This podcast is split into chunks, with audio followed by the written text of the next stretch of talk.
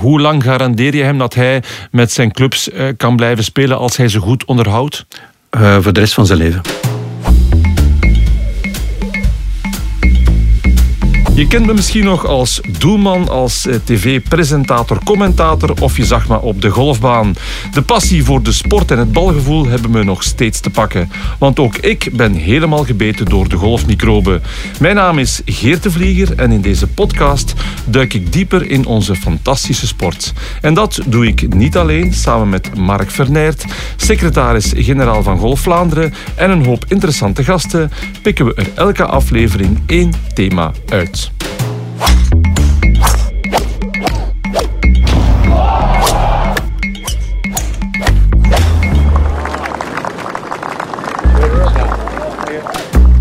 Uh, dag Mark, uh, een hele fijne dag. Dag uh, we zitten aan aflevering 13. wat betekent dat? Ehm, ik, ik ben niet bijgelovig. Ik weet het niet, als ex-doelman misschien wel. Uh, nee, ik heb zelfs met nummer 13 gespeeld op mijn rug. Er waren heel wat mensen die daar niet uh, wouden mee spelen. Ik dacht van ja, die ligt er dus. 13 hoeft inderdaad geen ongeluksgetal te zijn. Nee, nee als wetenschapper blijf ik daar ver vanaf. Ja. aflevering 13, dat betekent dat er al heel wat thema's gepasseerd zijn. wat zijn voor jou de meest in het oog springende thema's geweest? Goh, ik herinner mij vooral het bezoek van, uh, van toppers, hè, Manon de Roei en onze jonge talenten. Mm -hmm. uh, onder andere Alan de Bond heeft hier toch gezeten, die, die recent nog gewonnen heeft hè, op de op de Pro Golf Tour. Dus uh, dat is toch fantastisch. Uh, dus de jongeren en de, en de sporters, dat is toch wat mij het meeste bijblijft. Ja, uh, we gaan vandaag een thema bespreken dat echt iedereen aanbelangt die wil golfen. Ja, je kan niet zonder hè. Ja. het materiaal. Ja, daar gaan we het inderdaad over hebben. En daarvoor heb je wel een heel interessante gast meegebracht.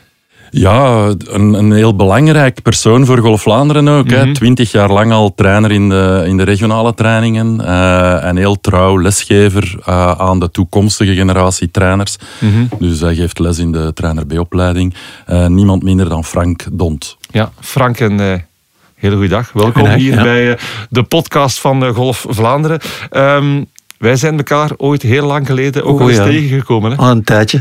Ik denk al 25 jaar geleden. Ja, zoiets inderdaad. Ik ben uh, uh, zo lang geleden beginnen golfen. Dus dat betekent dat je al uh, heel ervaren bent in het vak. Uh, ik speel al bijna 50 jaar golf. Volgend mm -hmm. jaar is het al 50 jaar. En ik geef al meer dan 35 jaar les. Dus uh, ik denk dat ik een klein beetje ervaring heb. Ja, uh, je kan de passie hebben om te golfen. Jij hebt blijkbaar ook de passie om golfles te geven. van waar die passie? Ah, meegegeven door mijn vader. Mm -hmm. Dus mijn vader heeft mij op de golfbaan gebracht en vandaar is het vertrokken. En hij een competitie had met mijn broer. En met elkaar naar voren getrokken en uh, uiteindelijk nationaal geraakt. En een paar mooie titels gehaald en van daaruit de passie. En dan omgeschakeld van militair naar golfleraar. Ja, ja. Um, je bent al op een paar plaatsen golfleraar geweest. Hoe ziet jouw golfcarrière als leraar eruit? Uh, naar de toekomst of in het verleden? In het verleden. In ja, het verleden. Uh, mijn eerste lessen die ik heb uh, zitten geven was uit op de militaire golf in Duisburg. Mm -hmm. En vandaar is vertrokken. En zo ben ik voor, voor één jaar eventjes naar Anderlecht geweest. Drie, en drie jaar in Heringven. En dan een hele lange periode in Wingen. Ja. En nu al veertien jaar in Keerbergen. Ja, kijk eens aan. dan ben jij de best geplaatste persoon om ons iets meer te vertellen over het golfmateriaal. Um, als ik zeg dat golfmateriaal, zeg maar 25 jaar geleden een, een 10 kreeg, dan krijgt golfmateriaal vandaag misschien wel 100, want het is enorm geëvolueerd. Hè? Oh, er is uh, serieus wat veranderd. Ja. Uh, als ik uh, vergelijk, zoals ik juist heb gezegd, ik, ik speel al bijna 50 jaar golf. Mm -hmm. Dus ik heb al het een en het ander gezien. En er is serieus veranderd. Ja. vooral de laatste 20 jaar. Ja. eerst en vooral, kan een slechte golfer goed golven met goed materiaal? Goed golven met goed materiaal, zeker. Ja, maar een slechte golfer kan niet golven met goed materiaal. Jawel, met goed materiaal wel, maar niet met slecht materiaal. Oké. Okay. nee, we maken het te ingewikkeld. Eerst en vooral, wat heeft een beginnende golfer absoluut nodig als hij wil beginnen golfen? Een club op maat. Ja. De, de, club moet wel degelijk op maat zijn. Veel mensen onderschatten dit.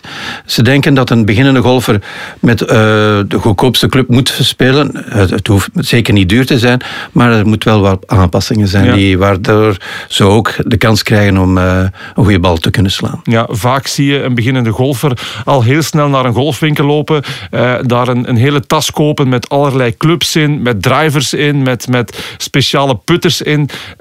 kost heel veel geld dat lijkt me niet Nee. de beste manier. Nee, dat is niet de beste manier. Nee.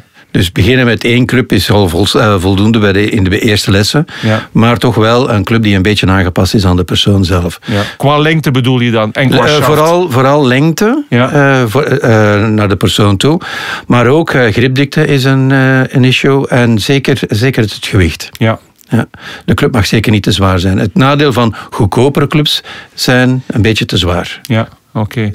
En als je dan eh, een beginnende golfer bij je krijgt en je, je adviseert die om wat, wat clubs te kopen, over welke budgetten praat je dan? Dat je zegt van kijk, als je begint te golfen, het is een investering die je, die je maakt, maar over welk budget praat je dan? Je zegt van kijk, als je dat investeert, kan je eigenlijk al de eerste jaren op een, op een goed niveau eh, golfen.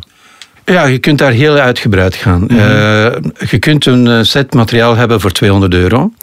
Mits aanpassingen kan dat nog degelijk zijn. En je kunt daar heel ver geraken. Natuurlijk, we gaan dat niet aanraden voor een beginnende golfer, omdat die in swingtechniek moet evolueren. Ja. En als een swingtechniek evolueert, moet je ook de clubs ook aanpassen. Dus in het begin is het vooral de lengte en het gewicht en gripdikte. En dan zien we wel. Ja, eh Mark, hoe is het met jouw materiaal? Heb jij een eh, volledige tas waar je zwaar in geïnvesteerd hebt? Als eh, CEO van Golf Vlaanderen heb ik het geluk van eh, mijn sponsor goed te kennen. Hè, Oh. En, ja, maar allee, ik geloof wat Frank zegt is, is belangrijk. Het is die fitting. Hè. Ik Mhm. denk, eh, je moet toch zorgen dat je materiaal goed bij je past. En, Ja. eh, ja, ik ben een beetje groter, dus inderdaad, mijn, eh, mijn, mijn shafts zijn een halve inch verlengd Mhm. en de grips zijn een beetje dikker. Ehm, dus dus ja, dat heb ik toch als, heel snel als tips meegekregen van de pro's waarbij ik in het begin eh, les nam. Ja. Dat is wel belangrijk. Ja. Kan ik het dan zo stellen, Frank, dat je in het begin eigenlijk beter wat minder clubs hebt die perfect op maat zijn, dan meteen een hele tas te gaan kopen waar je toch vrij snel op uitgekeken Ja, dat klopt. Eh, een volledige set is niet nodig. In het begin moeten ze eerst de swing aanleren, moeten ze gewoon een bal kunnen slaan. En eenmaal als ze de bal kunnen geslagen krijgen, dan is het eh, kortspel en dan het putten. En dat is al voldoende. Dus Ja. in het begin twee, drie clubs is voldoende om te beginnen. Ja, en dan praat je over mensen die inderdaad beginnen golfen, die de lessen pakken, die het golfexamen afleggen en als handicap 36er beginnen Ja. te spelen. En dan kunnen we evolueren. Ja. Kunnen we zien als we moeten uitbreiden. Ja, en dan evolueren bedoel je op basis van de handicap ga je clubs Vooral naar het niveau van de speler. Ja. Ja, ja. En, en waar zeg je dan van oké, vanaf dit moment eh, kan je eigenlijk je clubs gaan uitbreiden naar drivers toe, naar woods toe en een hele tas gaan aankopen? Ja, dat is eh, afhankelijk van de persoon. Mhm. Er zijn mensen die natuurlijk heel snel aan een volledige set wen- wensen te geraken. En moeten we hen ook goed, eh, daarin goed begeleiden. Ja. En andere golfers zullen we zelf aan, aansturen voor te zeggen, kijk, nu is het moment om deze clubs aan te schaffen Ja. Eh, ik- merk een, een heel groot verschil in, in prijs als ik dan een golftas ga kopen, ik zeg maar het hele assortiment, ehm, als ik de ijzers ga kopen, eh, zeker als ik daar drivers ga bij kopen. In welke eh, prijsklasse zeg jij van oké, voor dat bedrag heb je echt wel kwalitatief, wat merk het ook is, een hele goede eh, golftas? Als we met- praten van echt goed materiaal aangepast, rond de 1000 euro ben je wel rond. Mhm. Ja. Ja. Maar het is niet noodzakelijk om zo ver te geraken. Nee. Eh, je kunt al beginnen met een beetje bijsturing rond de 200 tot 500 max. Ja. Dus dan heb je al iets degelijks. En dan eh, van 1000, dan zit je echt goed. Ja. Ja. Eh, Dat is een flinke investering, maar dat is ook een investering die jaren meegaat, lijkt mij. Uiteraard, Als ik ja. naar mezelf kijk, eh, je koopt een, een set eh, aangepaste golfclubs, je kan daar echt wel ettelijke jaren mee golfen. Ja, dus de clubhoofd is van staal. Mhm. En eh, staal normaal gezien verslijt niet eh, zo gemakkelijk. De, sta, eh, de shaft, ja, er zijn verschillende soorten shafts. De shaft gaat goed mee. Mhm. Eh, de golfer is niet sterk genoeg om dat kapot te krijgen. Het enige wat wel snel, snel verslijt is de grip. Ja, Gaan we straks wel over hebben, denk ik. ja, ja. ja. Inderdaad, een, een shaft kan niet kapot. Je moet alleen opletten als je bal eh, net naast een boom ligt. Dat is iets anders natuurlijk. Ja, want dat komen, eh, ik ben het ook tegengekomen, Mark, en ik zie jou ook knikken. Het ook meegemaakt. Ja, dat je ooit al als beginnende onwetende golfer denkt van ja, die club is sterk genoeg. Ja. Maar als je dan toch even met het midden van de club zo'n boompje raakt. Ja, het midden of, of op, de, op, de Sweet heel, spot. op de heel zo. Daar Ja, ergens, die eh, socket. Ja, ja. nee, de hozel, ja. Ja, daar Dan- is hij is ooit bij mij gekraakt. Ja, Ja. Dan breekt hij onherroepelijk af. En ik had dan de, de eh, ontgoochelende reactie van te denken van ik gooi alles weg. Maar dat moet, ik, dat moet je dus niet doen. Hè? Zeker niet. Nee, want je kan dus gewoon die shaft Ja, de shaft kan je vervangen. Ja, ja. Ehm, ook wat die golfclubs betreft, eh, de shafts inderdaad. Hoe is dat geëvolueerd in de jaren? Ehm, dat is al een lang verhaal. Dus Mhm. in het begin, eh, heel in het begin van de golfgeschiedenis eh, was het in hout. Mhm. Hickory noemden we dat. En eh, om daar de juiste flexibiliteit, dat was niet zo evident. Om een verhaal, Bobby Jones, die echt een topspeler was in zijn, zijn periode, om een juiste shaft te fitten, moest hij ongeveer 5000 shafts passeren om de juiste te krijgen. En dan, de technologie is veranderd en uiteindelijk zijn de eerste shafts naar staal gegaan. En dat heeft dus wel lang meegegaan, maar in de jaren 50 waren ze al bezig met, eh, met epoxy en grafiet. Maar dat was een, eh, ge- geen goed experiment en dat heeft er nog lang geduurd tot in de jaren 80. En dan zijn de echte shafts beginnen evolueren, Ja. tot nu toe. ja. Eh, de pro's die spelen niet met graphite, hè? Nee, dus, wel met de houten. Ja. Dus de lange clubs, eh, daar gaan ze wel met graphite shafts spelen. Maar vooral met de ijzers blijven ze met stalen shafts werken. Ja. De de reden is gewoon het gewicht. Het gewicht hebben ze nodig om controle te hebben over de club. Veel mensen denken dat het heeft te maken met de flexibiliteit, maar zeker niet. Oké. Zeker niet. Kijk, dus het is echt het gewicht. Het is vooral het heb ik ook nog iets bijgeleerd, want Ja. ik dacht inderdaad altijd dat het om de stijfheid van de club gaat. Nee, het Ja. gaat puur om het gewicht. Ja. En hoe, hoe slim is het om als amateurgolfer ook met ijzeren shafts te willen spelen? Afhankelijk van de kracht dat je hebt en de snelheid die je kunt produceren. Ja. Dan pas zou- zouden we eerder naar... Als je veel snelheid en, en je bent enorm sterk gebouwd, dan zouden we nog altijd eh, stalen shafts aan, aanraden. Ja, maar wil dat dan zeggen dat je eigenlijk al bijna op professioneel niveau moet spelen om met ijzeren shafts te gaan spelen? Want we spiegelen ons allemaal graag aan die pro's. We denken van, die spelen daarmee, dat zal wel goed zijn. Ehm, We zouden zeggen, ja, de, de touring professionals, eh, spelers die professional willen zijn, of de topspelers als amateur, eh, die spelen met sta- stalen shaft, is niet zo. Eh, er zijn er ook die ook met graphite shaft spelen. Ja. Maar het hoeft niet echt goede spelers te zijn. Ik heb ook mensen die ook een hogere handicap hebben, die met stalen shafts best presteren, om, gewoon vanwege dat ze sterk genoeg zijn. ja. Dus dat is Ehm, niet, de, niet de, de kwaliteit van de speler zelf. Ja. Blades. Ja. Bijna een statussymbool, hè, eh, dat je nu zegt. eh. Ja, hè, maar het feit dat ik het woord blades uitspreek, ik moet maar eens- misschien eens uitleggen voor de, de luisteraars die het niet kennen wat het precies is en waarom het een glimlach eh, op Ja. je gezicht over. Eh, een blade of muscleback, zoals wij het noemen, Mhm. eh, is eigenlijk een, de eenvoudigste vorm van een clubhoofd. Ja. eh, waar eigenlijk bijna alleen de goede spelers mee spelen. Je moet er echt goed eh, in zijn. Je moet enorm controle hebben om met een blade te kunnen slaan. Ja. Waarom? Omdat je daar de bal in de sweet spot moet kunnen raken. Ja, ja. En als je eruit zit, dan eh, heb je wel degelijk een slechte slag. Dan ben raden we meestal de gemiddelde golfer aan naar een cavity back te gaan. Of, Even, want we hebben de vraag ook gekregen van een luisteraar. Eh, wat is een sweet spot voor degenen die het niet precies weten wat een sweet spot is bij een golfclub? Ja, een sweet spot eh, is niet zozeer het midden van het slagvlak, maar het is de, de plaats waar je de bal het best kunt raken, waar je dus de meeste energie kunt overbrengen. Dus dan haal je het maximum eruit, heb je minder verliezen in afstand. Ehm, nu dat, aangezien dat we met Trackman werken, eh, begrijp je dat met de term smash factor. Dus dat is de verhouding tussen clubsnelheid en balsnelheid. En hoe hoger die smash factor, hoe verder dat je de bal kunt slaan.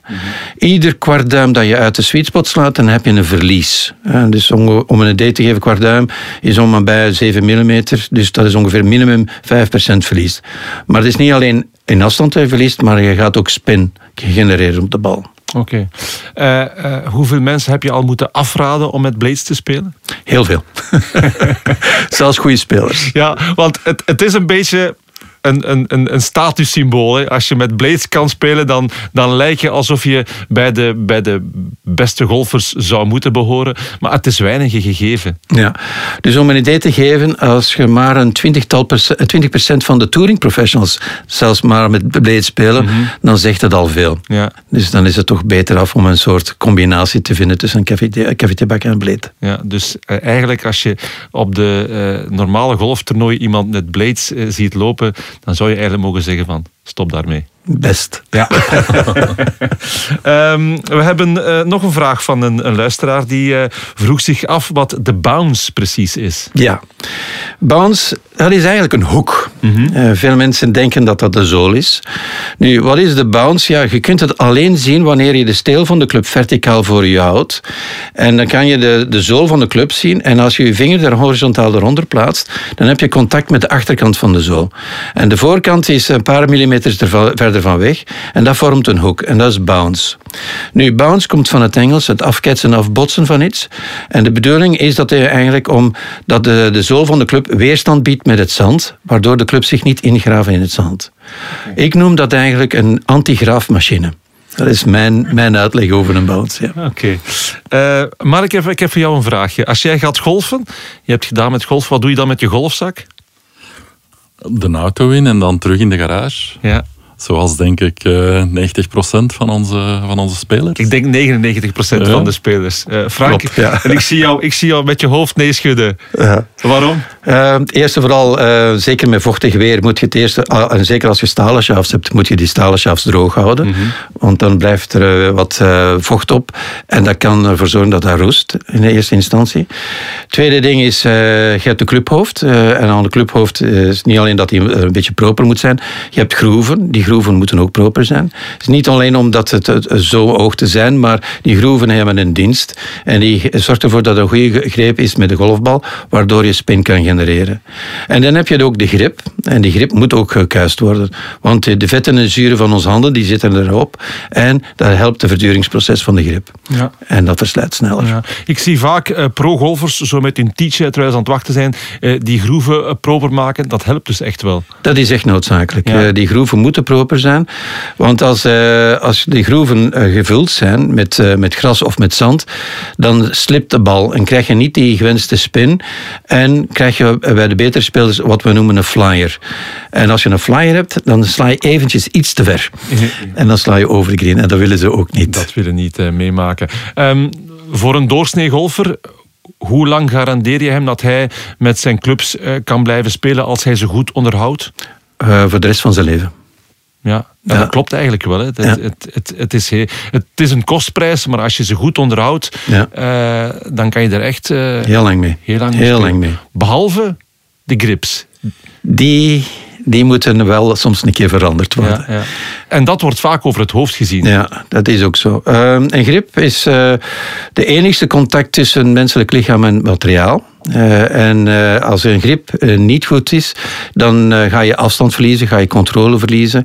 En is het toch raadzaam om dat te veranderen. Ja. ja. Ik ga... In mijn, allez, in, in mijn ter, termijnen en voor zoveel dat ik golf speelde, je hebt ze bij mij vervangen twee jaar geleden. En allez, ik herinner mij toch wel dat eerste fenomeen, of het eerste gevoel dat je dan krijgt als je die grips dan in je handen hebt, zelfs als bogeyplayer. Hè. Ja uh, kon ik wel begrijpen waarom dat de topgolfers dat zo vaak doen. Ja. Uh, dus het geeft ja, een nieuw gevoel eigenlijk. Ja, een nieuw gevoel. Uh, het voelt zachter. dus dan heb je het gevoel dat je de club onder controle hebt. Je kan je vingers daar wat beter in plaatsen. Maar wanneer het, het verduurd geraakt, vanwege de zon of de vetten en de zuren van je handen, dan wordt dat hard. En, en niet alleen hard, dat wordt ook glad. Mm -hmm. En dan ga je geneigd zijn om harder te nijpen. En als, wanneer je harder nijpt, dan gaan de polsen minder bewegen. En als de polsen minder bewegen, verlies je wat snelheid. En natuurlijk, wanneer het glad is, dan kan het ook glippen. Ja, nu, als gemiddelde golfer, bij wie moet ik eigenlijk terecht uh, voor dat te laten doen? Ah, meestal je golfleraar zelf. Hè. Uh, de meeste golfleraars uh, die zijn in staat om een grips te vervangen. Ja, dat, is, dat, is, een deel van de opleiding ook, denk ik. Hè? Maakt deel uit van de opleiding, ja, ja. Dus de golfleraar kan zeker helpen. En als hij het niet kan, dan kan hij doorverwijzen naar iemand. Ja. Dus eigenlijk het makkelijkste en het duidelijkste aanspreekpunt is de golf, binnen, ja. binnen, binnen, de golf. Um, nog iets wat uh, materiaal betreft, uh, Frank. Uh, we kennen allemaal het gevoel dat we op de golfbaan lopen, dat we ergens een balletje vinden en dat we denken van, we gaan daarmee spelen. Voor de gemiddelde golfer ja, dat is oké, okay, als het hier nog rond is. ja. Maar voor een betere golfer, dan is de bal wel toch wel degelijk belangrijk. Ja, en wat bedoel jij met een betere golfer? Dan heb je het over een bepaalde handicap. Ja, het hangt af van wat je wenst te bereiken. Wil je verslaan of wil je meer controle hebben over de bal, dan is de bal heel belangrijk. Uh, je hebt dus in eerste instantie heb je de cover. Ja, dus de, al die dimpels die allemaal erop zit, dat kan hard zijn of dat kan zacht zijn. Een harde uh, cover die helpt uh, om minder spin te genereren op de slagvlak, waardoor je dus meer rol kunt krijgen op de bal en kan je afstand winnen.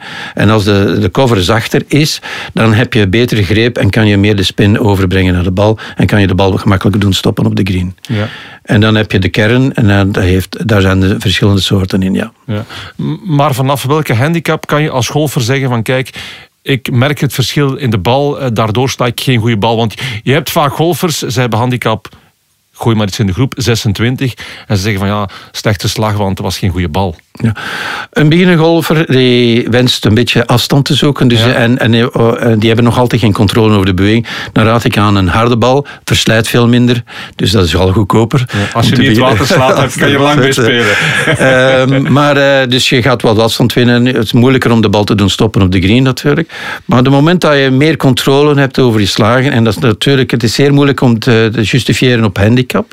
Maar het zit toch ergens tussen waarschijnlijk? Ik een combinatie van. Het, is, eh, het heeft heeft te maken met eh, hoe goed dat je de bal kunt raken en uh, hoe ver dat je kan slaan. En naarmate dat je verder slaat, dan heb je wel meer nood aan een zachtere bal. Ja, misschien is het beter om in uh, ervaringsjaren te praten. Hè? Ja. ik, denk, ik denk in je eerste vijf jaar voel je dat verschil bijna niet. Hè? Nee. Je hebt natuurlijk de fanatici die misschien ja, heel veel spelen. Um, dus het is heel moeilijk om daar een grens op te zetten. Maar ik denk na vijftal jaren voelde het verschil tussen ja, in de volksmond een steen en geen steen. Ja, dat wel. Maar ik bedoel ook... Je gaat tot aan een bepaalde handicapgrens eh, kunnen zeggen van oké, het ligt niet aan de bal, maar je moet eerst nog zo hard werken aan de perfectie van die golfswing, voor die bal echt invloed kan hebben op je golfswing. Dat is wat ook eh, Mark juist zei, eh, dus vijf jaar. Het is moeilijk daar echt een termijn op te plakken, want het vraagt dan de hoeveelheid aantal swings dat je gedaan hebt gehad. Dus hoe meer dat je praktisch, hoe meer ballen dat je slaat, hoe meer dat je de controle over de beweging krijgt, hoe meer dat je dat beter beheerst, dan krijg je ook meer gevoel op de bal. En dan begin je ook duidelijker meer de bal in de sweet spot te raken. En dan voel je dadelijk hoe die bal moet zijn voor u. Ja, dat is ook zo. Het is een razend interessante babbel voor uh, de golfleek hier aan tafel. Uh, maar we gaan toch even poseren. We hebben het al veel gehad over het materiaal. Uh, maar nu gaat Karel ons meenemen naar het ontstaan van de golf.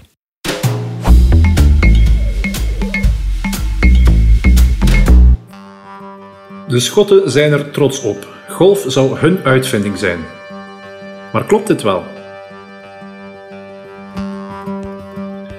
In Schotland hadden ze inderdaad de eerste echte golfterreinen, maar de oorsprong van het spel ligt waarschijnlijk bij ons in Vlaanderen. In de Nederlanden, waartoe ook Vlaanderen behoorde, speelde men tijdens de middeleeuwen al een spel genaamd golf. Golf met een K, Twee ploegen van telkens vier spelers sloegen om de beurt een bal en probeerden daarbij in het minst aantal slagen een doel te bereiken. Golf werd enorm populair. Op het platteland werd het spel over kilometerlange holes gespeeld, maar ook in de stad werd er gekolfd. En dat is te merken aan de talloze vermeldingen van golf in overheidsdocumenten om het spel aan banden te leggen. Uiteindelijk verbood de stad Brussel in 1360 het spel binnen de stadsmuren omdat het te gevaarlijk was. Het is ook de oudste schriftelijke vermelding van golf ter wereld. Tijdens de wintermaanden werd er aan ijskolfen gedaan, een combinatie van ijshockey en golf. In de 16e en 17e eeuw heerste er in Europa immers een kleine ijstijd en waren alle vijvers en rivieren dichtgevroren. Een ideale gelegenheid om met een stok en een bal het ijs op te gaan. Kijk maar eens goed naar de winterlandschapsschilderijen, zoals die van Pieter Breugel. Daar ga je vaak kolfende mensen op het ijs zien staan.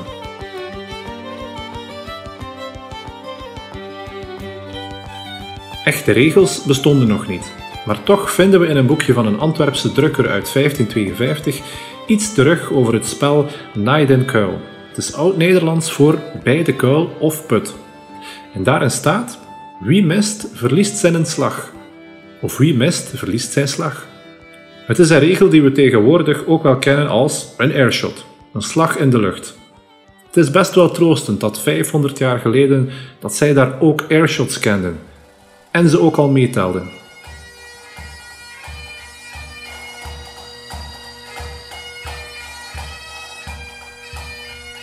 In de 17e eeuw was zowel Antwerpen als de rest van Vlaanderen een belangrijke plek om handel te drijven. Ook Schotse handelaars kwamen er regelmatig. Zij namen het spel mee naar huis en noemden het golfen, wat later dus golf zou worden. In Schotland werd het spel niet meteen populair en het was wat wachten tot in de jaren 1700 voor de aanleg van die eerste golfbanen. Een paar eeuwen lang werd golf op een informele en niet georganiseerde wijze op het common land beoefend. Tussen de drogende visnetten van de vissersboten en de drogende was van de Schotse moeders.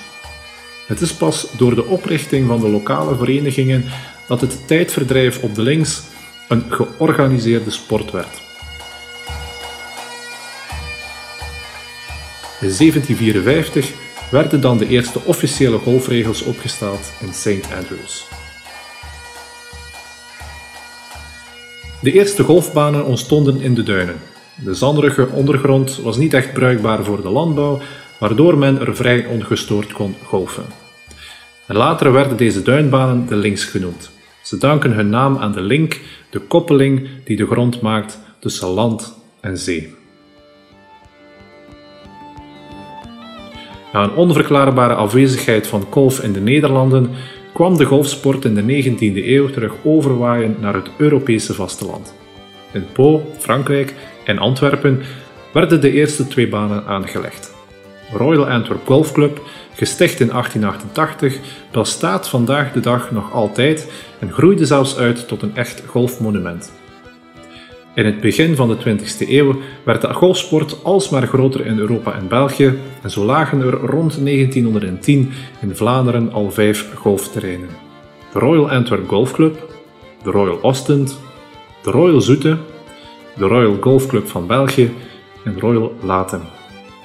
Ondertussen telt België meer dan 80 golfbanen en werd in Vlaanderen de kaap van 40.000 golfers ruim overschreden.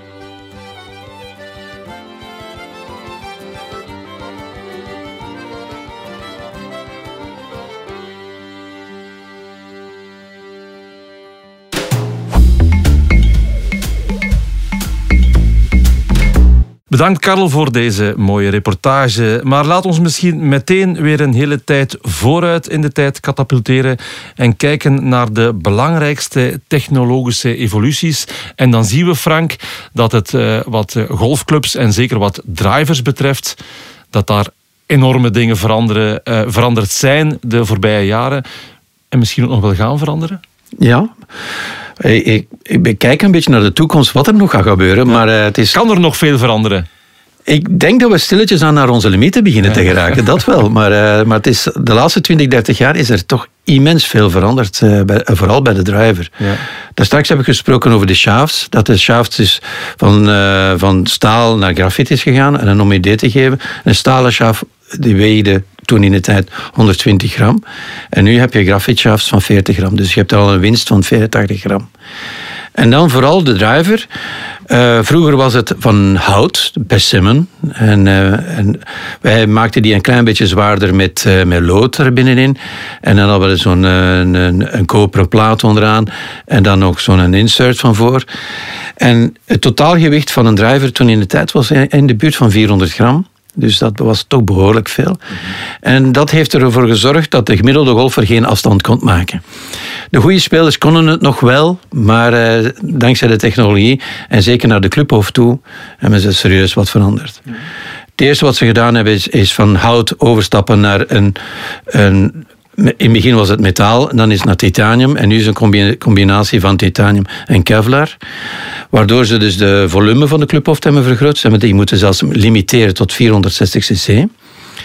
Ze moeten werken aan de slagvlak. De slagvlak hebben ze moeten limiteren. We hadden dus de fameuze COR, wat we noemen de trampoline-effect, Ja. die ervoor gezorgd heeft dat ook, eh, we verder konden slaan.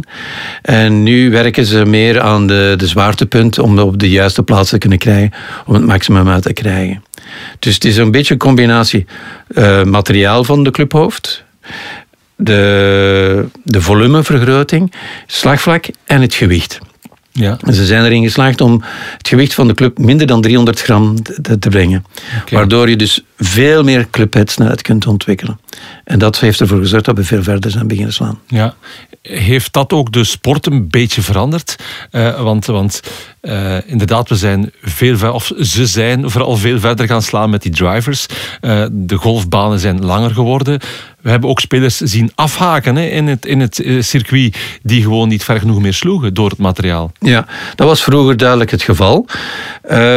Het heel merkwaardige van het verhaal is dat eh, de betere spelers veel verder zijn beginnen slaan. De gemiddelde golfer is wel verder beginnen slaan, maar het is vooral naar de seniorgolf toe dat ze eigenlijk hun lengte zijn beginnen behouden. Oké.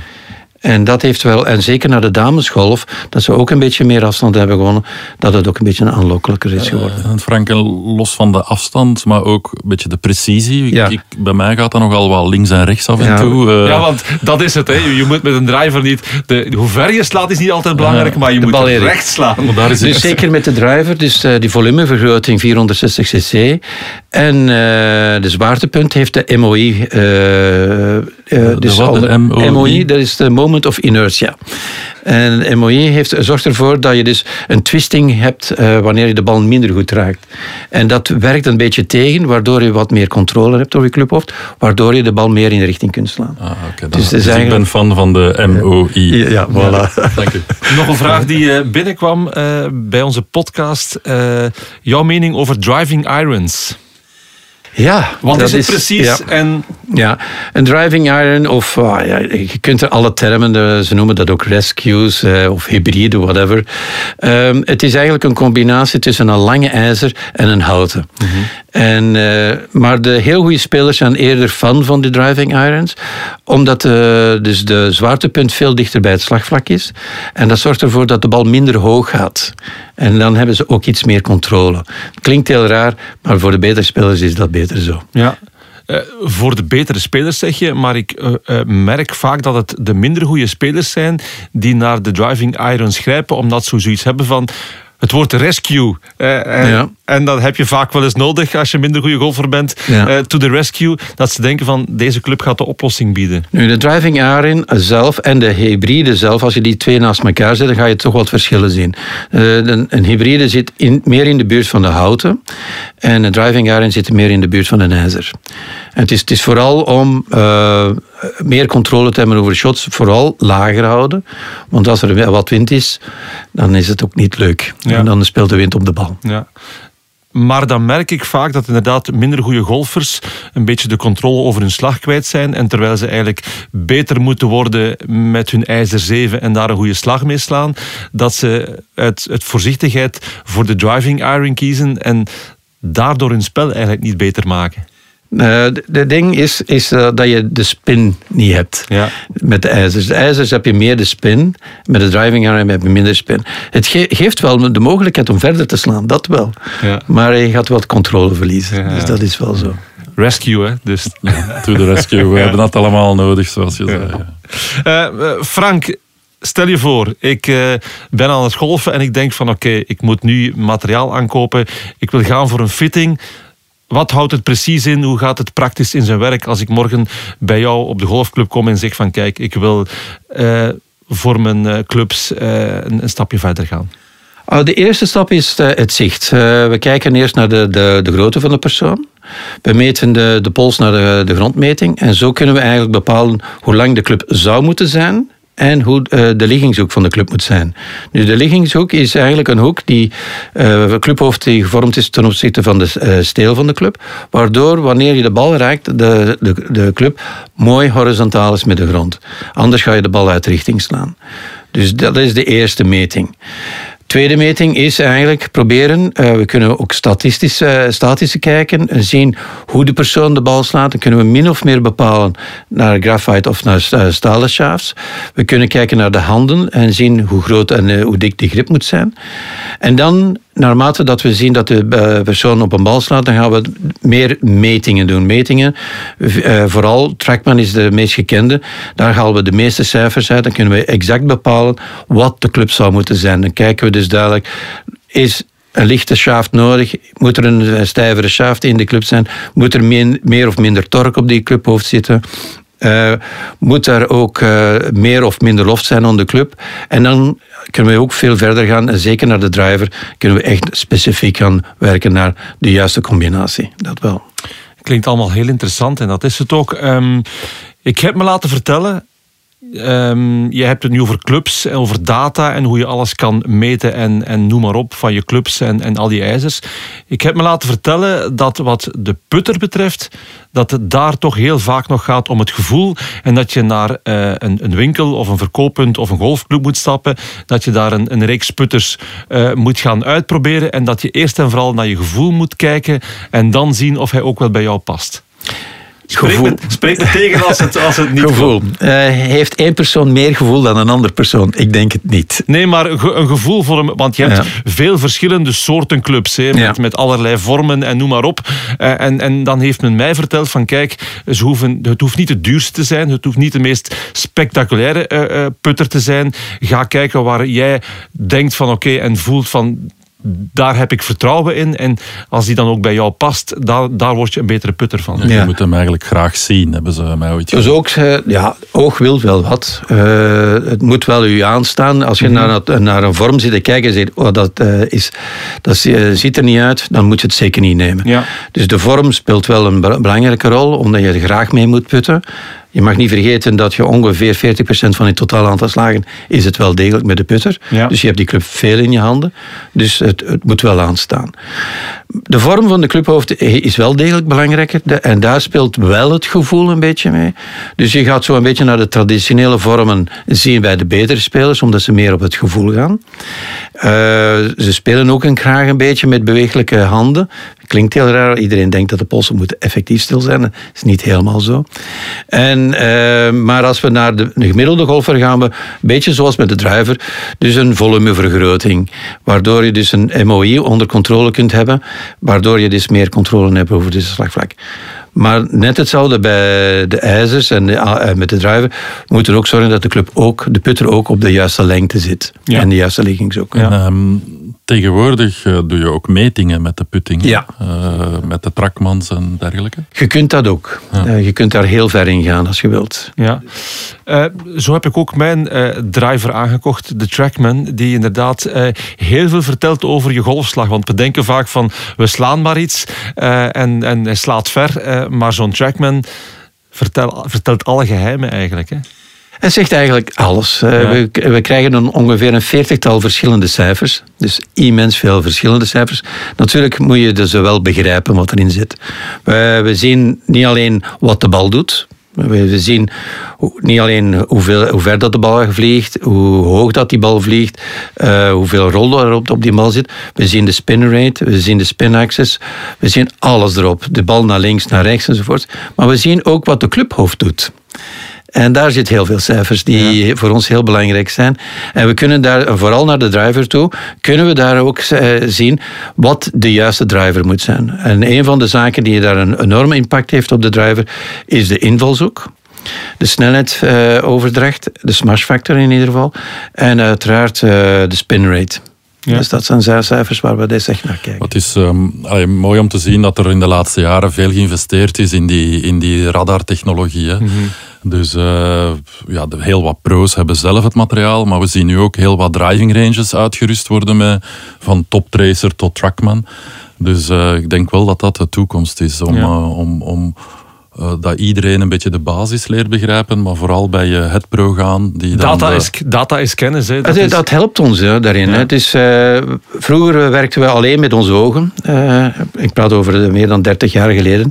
Dan zijn de videocamera's gekomen. Dat is, was dan ook een enorm hulpmiddel. En nu dankzij de, de Trackman hebben we nog andere zaken die ons nog verder de, en dieper in de materie brengen. Ja. Waardoor we duidelijk meer kennis ter zake hebben en meer de mensen kunnen helpen daarin. Ik denk dat de boodschap inderdaad duidelijk is. Als je nog een betere golfer wil worden, training is niet alleen belangrijk, maar durven naar die fitting gaan, eens kijken van hoe sla ik precies met de goede mensen. Dat is eh, de les die ik ook eh, vandaag nog eens eh, wil meegeven. Frank en Mark, bedankt voor jullie deskundige uitleg. Het was weer een hele interessante aflevering van deze podcast. Bedankt voor de komst. Graag gedaan. Vond je deze podcast interessant? Vertel het gerust verder en abonneer je via Spotify of op een andere podcast-app. Heb je zelf vragen of suggesties voor topics? Stuur ze zeker door. Dat was het voor nu. Bedankt voor het luisteren en tot later.